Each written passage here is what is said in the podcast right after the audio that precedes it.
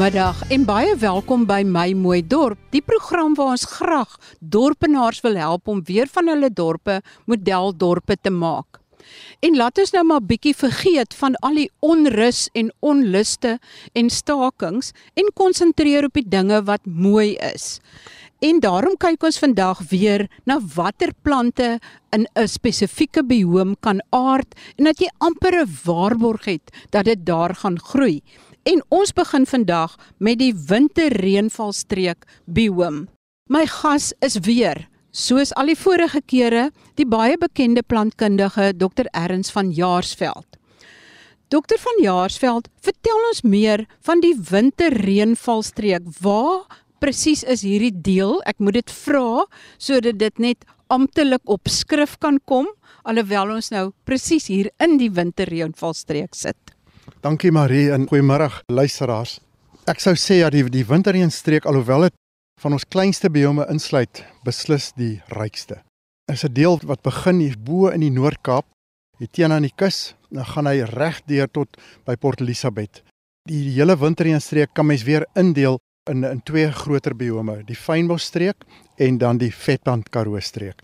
Ons gaan vandag meer praat oor die fynbosstreek Dit is seker ons land se rykste en belangrikste streek. Alhoewel hy baie klein is, het hy omtrent 10000 plantspesies, maar as ek dink byvoorbeeld aan dorpe in die gebied, begin ons daar by die Oos-Kaap, byvoorbeeld Port Elizabeth, ook by Humansdorp en dan verder Wes Plettenberg Bay, George, Nysna en dan natuurlik die Langkloof en die die Lange Berge, Groot Swartberge daar by Ladysmith Riversdal, bietjie verder wes dan Heidelberg en dan Stilbaai, Bredasdorp dink aan Kaap Agulhas en in die hele Hermanus streek, Kleinmond, Somerset Wes Grabouw tot by Kaapstad. En gaan dit ook verder op hierso tot by Klein Willem, as ons dink aan daai Bokkevallei, Cederberge van Citrusdal en daai deel ook. Dokter van Jaarsveld met ander woorde, as dit dan val onder winterreënval streek, sluit jy dan met ander woorde Plettenberg Bay, George Nysna ook almal in? by die winterreënvalstreek of is dit maar bloot omdat dit die fynbosbiome is?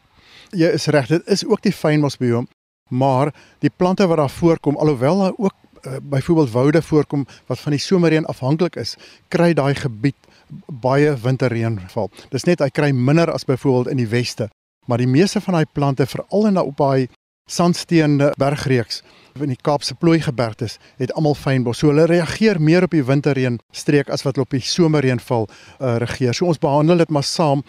Eintlik kan ons dit maar beskou as 'n heel jaar reënstreek. Dit is sy voordeel in die oostelike deel van die Kaapse streek. So hy kry reën in die winter en somer. Hy val onder die groter bioom, die fynbosbioom wat reageer op die kort nat winters. Vertel ons meer van die klimaat van hierdie streek. Jy het nou gesê dis eintlik heel jaar reën, maar vertel ons bietjie meer. Ja, so die, die oostelike deel is 'n heel jaar reën. Hoe verder ons wes gaan, hoe meer raak dit net winterreënstreek. So baie van hierdie klimaatsones is nie definitief nie. Daar's nie 'n spesifieke grens nie. Hulle loop in mekaar in. Ons plante is net so aanpasbaar. So hulle kan aanpas. As dit die een jaar byvoorbeeld minder in die winter reën en meer in die somer, pas hulle daarbey aan en dan ook natuurlik anders omgekeer. Maar dit is 'n baie baie interessante streek. Elke uh, groei streek word bestuur deur omgewingsfaktore. In die plante is hierby aangepas en ons kan onsself vra wat bestuur fynbos? Dis kort, vogtige winters, arm grond en lang droë somers met baie wind en natuurlik baie belangrik so brand tussen elke 8 en 18 jaar. So die klimaat hier is warm, gematigd en veral aan die kus en die reënval is meestal in die winter en meer as 500 mm per jaar. So die somers is droog en warm en gewoonlik baie winderig en veral wat die suidooster betref en ons ken dit goed die suidooster en die grond in die Kaapse plooigebergtes is deel van die kwartsitiese sandsteen berge en is baie mineraalarm. So die winters is kort en vogtig. So wat is die voordeel van reën in die winter? Omdat natuurlik daar minder son is en baie koel en klam is, word die vog langer behou. Met ander woorde, die plante kan baie meer effektief met die minder reën oor die weg kom omdat die, die grond vogter gebly vir 'n baie lang tyd. Met ander woorde, die son is nie daar nie om dit uh, uit te droog nie. As ons byvoorbeeld daai selfe hoeveelheid reën gekry het en dit was 'n somerreënvalstreek, sou jy dit onmiddellik aan die omgewing gesien het. So daar's altyd voor en nadele. Die laerliggende dele in hierdie streek het dan baie ryker grond. Baie van hulle het graniet, byvoorbeeld ook selfs kalksteen en uh, dele van Bredasdorp het alkalisiese grond. In die bekende bergreekse in die omgewing sluit in natuurlik die Koue Bokkeveldberge en die Kaapse Plooigebergte soos die Cederberge, die Heksrivierberge die Swart en die Lange Berge. En natuurlik die Outeniquas en die Baviaanskloofberge in die ooste ook. Maar hulle kry noodwendig meer somerreën, maar tog kry hulle ook winterreën en as mens na die berge en die plante kyk, is dit tipies fynbos en lyk dit maar presies dieselfde. As mens gaan kyk ook na die hoogte bo seevlak, die berge gaan op tot so bietjie hoër as 2000 meter bo seevlak. En bokant 1000 meter kan ons gewoonlik ook sneeu vir kort periodes in die winter verwag. Maar die kusgedeelte is gewoonlik rypvry in eintlik 'n wonderlike klimaat. So daar's 'n groot verskeidenheid wat 'n mens daar kan natuurlik aanplant. Die somers kan baie warm word en soms oor die 40 grade, maar gewoonlik is dit so in die 20s en 30s en meer aangenaam. So die kus is 'n meer aangename klimaat en soos jy binneland toe gaan, word dit noodwendig baie warmer. Hoe is die plante dan nou aangepas by hierdie omstandighede? As ons weet hoe die plante aangepas het, dan maak dit dat ons makliker ons tuine ook kan uh, bestuur. So die Fynbos word nie verniet fynbos genoem nie. Die plantjies bestaan uit klein leeragtige blaartjies en hulle is aangepas by hierdie lang somerdroogtes en baie wind. Daar is min vreedbaar hier en dis was daar ook van nature bitter min uh, diere betrokke wat die omgewing eintlik uh, bestuur het. Soos byvoorbeeld as ons kyk na die bosveld en die valleibosveld. In na brand kan ons onsself afvra wat gebeur. Ek weet dit is dramaties so 'n brand en alles is net vol roet en as. Maar eerstens is daar wat die plante betref die herspruiter. So sommige sal herspruit na so 'n brand. En uh hulle het 'n houtagtige ondergrondse knol. Byvoorbeeld die koningsprotea is 'n baie goeie voorbeeld. So daarom kan hy ook gesnoei word in 'n tuin. En as hy gesnoei word of brand gesnoei, loop hy dus net weer uit. So die knol spruit uit. Daar's 'n hele klomp soorte wat hierby aangepas is wat so uit 'n knol uitspruit. Die brand is dis 'n natuurlike snoeiproses wat die veld vernuwe daar's vreeslik baie bolsoorte marie in die, in die fynbos en hulle kruip net weer uit na brand. Ek dink byvoorbeeld daar's ook een plant, die pragtige ou waier alwyn met sy kirkbas en die klipkershout. Hulle het kirk wat hulle beskerm. So na brand loop hulle net uit omdat dit die kirk soort van as 'n insulasie bied wat die stam beskerm. En die plant loop dan net weer na brand uit. En sommige van die plante kom dan ook op rotsagtige dele voor waar die brand moeilik bykom en ek dink veral in die sederberge in die pragtige ou sederbome wat daar voorkom. En dan is daar weer 'n groot groep plante wat heeltemal deur die brand verwoes word, maar hulle is so aangepas dat hulle weer van saad opkom. Daar's altyd 'n 'n saadbank in die fynbos uh, deel. Hulle word gestimuleer dan om op te kom. Ek dink aan baie protea, spellekussing, tolbossoorte, vygie-soorte wat hier ingesluit word. En dis die rook uh, wat die saad eintlik stimuleer om te ontkiem. En ek het 'n kollega Hannes de Lange uit vir jare navorsing gedoen om te sien wat is dit wat die saad laat ontkiem? Is dit die rook? Is dit die brand? Is dit net as hulle water kry? En hy het toe uh, eksperimente gedoen op Kaapstad Natuurreservaat. Hy het toe agtergekom dat dit eintlik die deel wat deur rook behandel is, het die beste ontkieming. As ons byvoorbeeld in die verlede Erika saad gesaai het, het ons maar iets soos 15% ontkieming gekry. En as ons hulle met rook uh, behandel, dan kry ons 85% ontkieming. So dis 'n ongelooflike ontdekking wat hy gedoen het en vandag word daar 'n rookmiddel verkoop. Bykers mos wat mense net kan byvoeg. Soos 'n tipe kladpapier. Jy sit dit in jou gietertjie en as jy jou saad na jou saad gesaai het, uh, maak jy hulle net daarmee nat en hulle reageer ongelooflik goed. So baie plante reageer dan op hierdie rookbehandeling en dit bespaar die die uh, suurtuinbekundige industrie natuurlik ter duisende rande omdat hulle 'n manier gevind het om dit te oorbrug. So ons kan dankbaar wees vir die uh, navorsing van uh, Hannes de Lange destyds by Kersmos. Met al hierdie stres wat hierdie plante onder is, lei dit altyd na evolusionêre kreatiwiteit. En dis wat die plante so goed aangepas is by klein nisse byvoorbeeld. Die plante moes slim planne maak om te oorleef met al hierdie negatiewe faktore.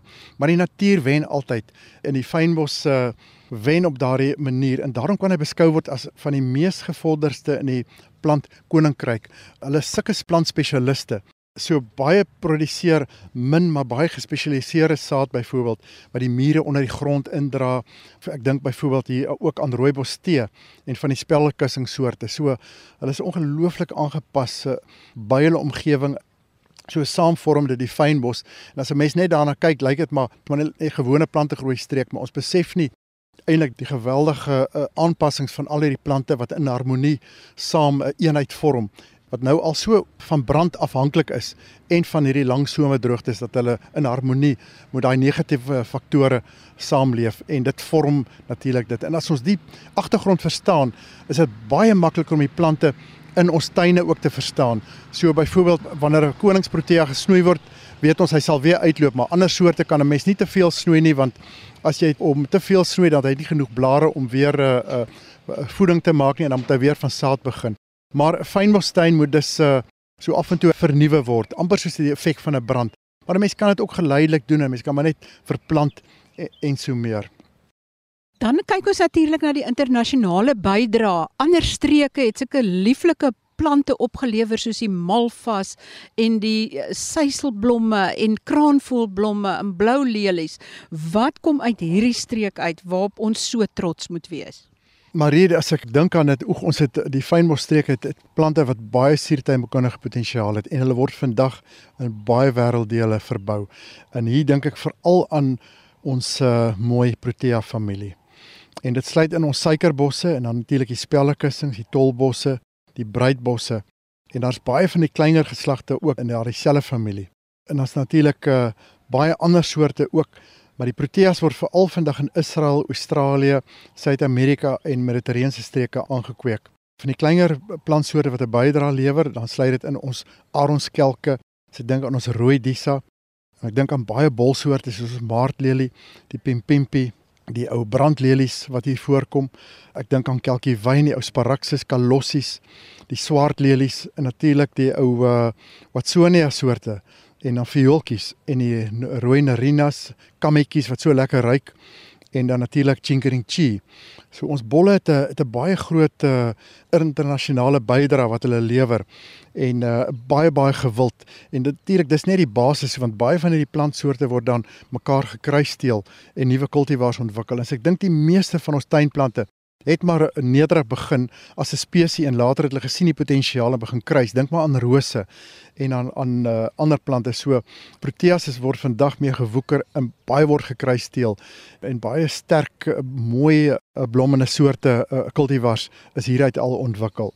Ons kan baie dankbaar wees vir ons uh, fynbos streek en die bydrae wat hy gelewer het uh, internasionaal afgesien net in Suid-Afrika ook. Ja, ons maar net dink aan hoeveel keer Suid-Afrikaanse uitstallings al by die Chelsea Blommeskou gewen het, dan is dit eintlik iets en die meeste van dit kom dikwels dan uit hierdie streek uit. Dit is reg Marie, so ons kan baie uh, dankbaar wees dat ons sulke pragtige plante het want dit is groot en opvallende blomme en hulle hou ook lank as snyblomme byvoorbeeld. So hulle is aangepas om om lang droogtes te kan uh, hanteer as ek dink aan hulle leeragtige blare. Dis net hulle manier van groei, maar hulle is gewoonlik opvallende uh, plante wat onmiddellik die aandag trek en daarom steel hulle altyd die kollig. as ons iets oor die struktuur van die plante groei in hierdie fynbosstreek moet sê, hoe sal dit beskryf kan word? Ja, wat interessant is Marie, die fynbosstreek is die minste boomryk van al ons streke. Dit bedoel hy met groot bome. Dis gewoonlik as jy kyk na hom in die Swartberge is die struktuur bestaan uit 'n struikagtige groep plante so 1 tot 3 meter hoog met uh, soos ek weer genoem het, hulle het leeragtige blare daar kom ook bome voor, maar hulle is gewoonlik beperk tot rotsagtige koppe soos die klipkershout, die kliphout. Maar die die volgende plante is natuurlik baie betrokke in die fynbos, is die Protea familie, die heide wat pragtige struitjies vorm, die stompies, die Kaapse dekriet, Iris familie en natuurlik die vygie familie en die aster familie is daar ook baie baie soorte. Ek dink byvoorbeeld aan Bito en van die ander in en veral die die sewe jaartjies. So ons het 'n groot groep sewe jaartjies wat goed by fynbos uh, aangepas is. En as mense 'n tuin of 'n park wil vestig, hoe sal mens daar te werk gaan? Is die grond dan ook hierso so belangrik soos in die ander streke? Ja, die fynbos is gewoonlik baie fyn by hulle grond aangepas. En so belangrik is as jy in 'n deel is waar daar fynbos voorkom om net eers uit te vind wat is jou uh, uh grondsoort. So is dit sandsteen dan het jy 'n baie groter keuse wat jy kan kies omdat so baie van die fynbossoorte by die armsandsteen aangepas is. Die grondsoorte in die fynbosstreek varieer eintlik geweldig van baie mineraalarm, die sandsteen gronde tot klei en dan die klei leem. Die ryker gronde is veral op laer hellings met renosterbos. En renosterbos is ook maar 'n tipe fynbos. Hy's dis maar net op dele waar die grond baie ryker is. So grondvoorbereiding is natuurlik baie belangrik. Veral 'n deklaag van kompos of blaarmolm is belangrik. Omdat die reënval hoofsaaklik in die winter is, sal ek voorstel dat die plante in die herfs gevestig word. Hulle het dan 'n hele seisoen om te vestig en kan dan baie goed wortels skiet. So ook met die vestiging van bome is dit baie baie belangrik soos in die ander tuine ook. Daai vestiging is uiters belangrik onthou ook baie fynbossoorte 'n simbiotiese verhouding met swamme en ander grondlewende uh, organismes. En hulle hou nie van verstoring van die grond nie. Byvoorbeeld skoffel. Jy kan as jy proteas en erikas eers gevestig het en al jou Kaapse dekriete, moet 'n mens so min as moontlik skoffel in. Daarom is dit die beste om altyd 'n deklaag te gebruik of van blare, blaarmolm of een of ander organiese deklaag uh, van bas of blaarmolm en dit, dit beskerm al daai grondlewende uh, diertjies. Uh, sorg dat daai swamme kan groei en daai verhouding met die wortels van die fynbossoorte opgebou kan word.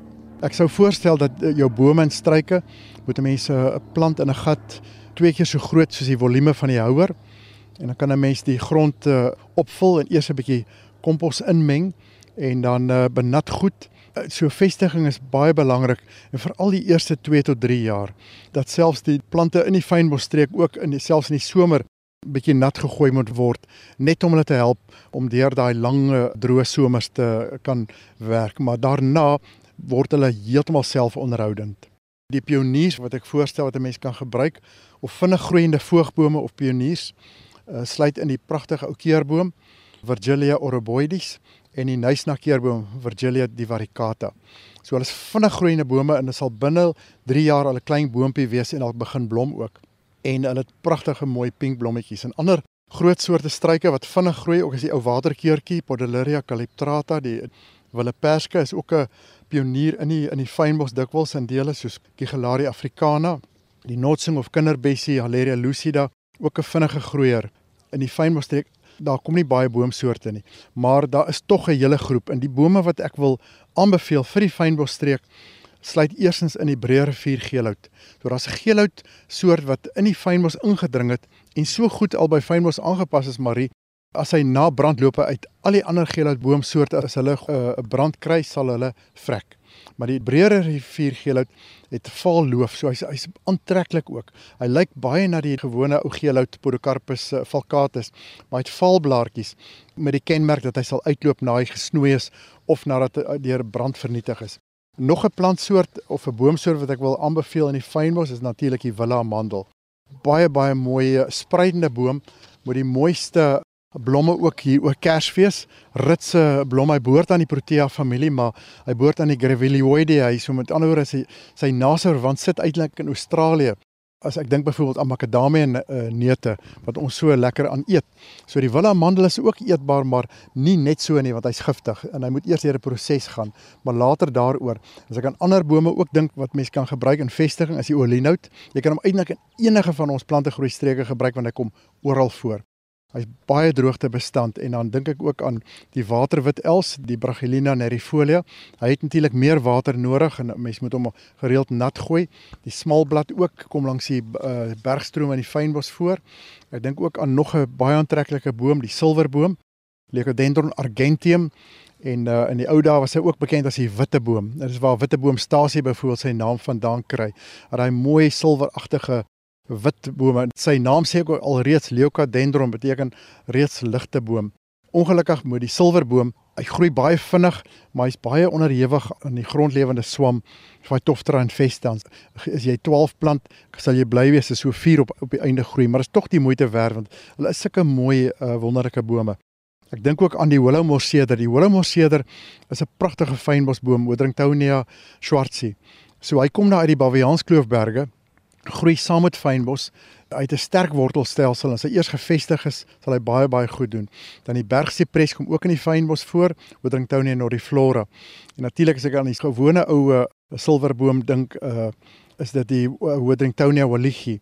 en hy groei baie moeilik, maar ons het 'n begin met 'n program waar ons hom oorent op die Hollowmore en uiteindelik wil ons dit aan tuine uh, bekendstel ook op 'n plant met 'n baie sterker wortelstelsel.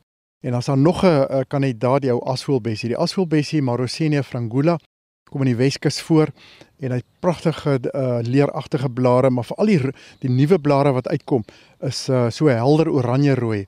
En 'n stadig groeiende plant, maar hy's 'n uh, is 'n is 'n wonderlike staatmaker uh, klein boontjie. Ek dink ook aan die silverwilg, Salix micronata subspecies ursuta. Sy blare het fyn haartjies op in die lente en hy't so silweragtige uh, voorkom. So hy groei langs die Olifantsrivier uit op die skierlyn het ook voorgekom, maar hy het uitgesterf daar so deur indringers. Ons het hom weer baie vermeerder en hy's gemaklik om te kweek van steggies en hy doen goed in tuine. Kliphout is nog eene Hieria argentea. Hy het mooi silweragtige blaartjies aan die onderkant, sy bo deel van die blare is groen. Die klipkershout uh, Mytenus oleoides, nog 'n mooi uh, klein boontjie vir fynbostuine. Ek dink ook aan die krepelbos Memetus fimbrifolius. 'n pragtige mooi tipe protea en ek dink aan die eysterhout Olea capensis. Jy het ook 'n naverwante Olea macrocarpa wat in meer in die woude voorkom. Ek dink ook aan die saffraan wat ook in die fynbos voorkom maar in dele waar dit die reënval 'n bietjie meer is. Natuurlik en dan die ou kanverbos, die uh, Targonanthus litoralis aan ons kus met sy dik leeragtige blare. Baie baie dankie aan my gas, Dr. Erns van Jaarsveld, bekende plantkundige wat tans verbonde is aan Babylon Storen hier in die Wes-Kaap. Mag hierdie insette jou inspireer om aan te plant al die plante wat van jou streek af kom, want dan is jy byna gewaarborg dat dit mooi gaan groei. Vervra jou dorp, vervra jou streek sodat ons harte ook kan lig en saam kan lag al gaan dit baie keer so woes in so baie dele van ons land. Tot volgende week wanneer ek weer gesels oor sake wat jou dorp raak en wat jou dorp beter en mooier kan maak. Groete van my, Marie Hudson.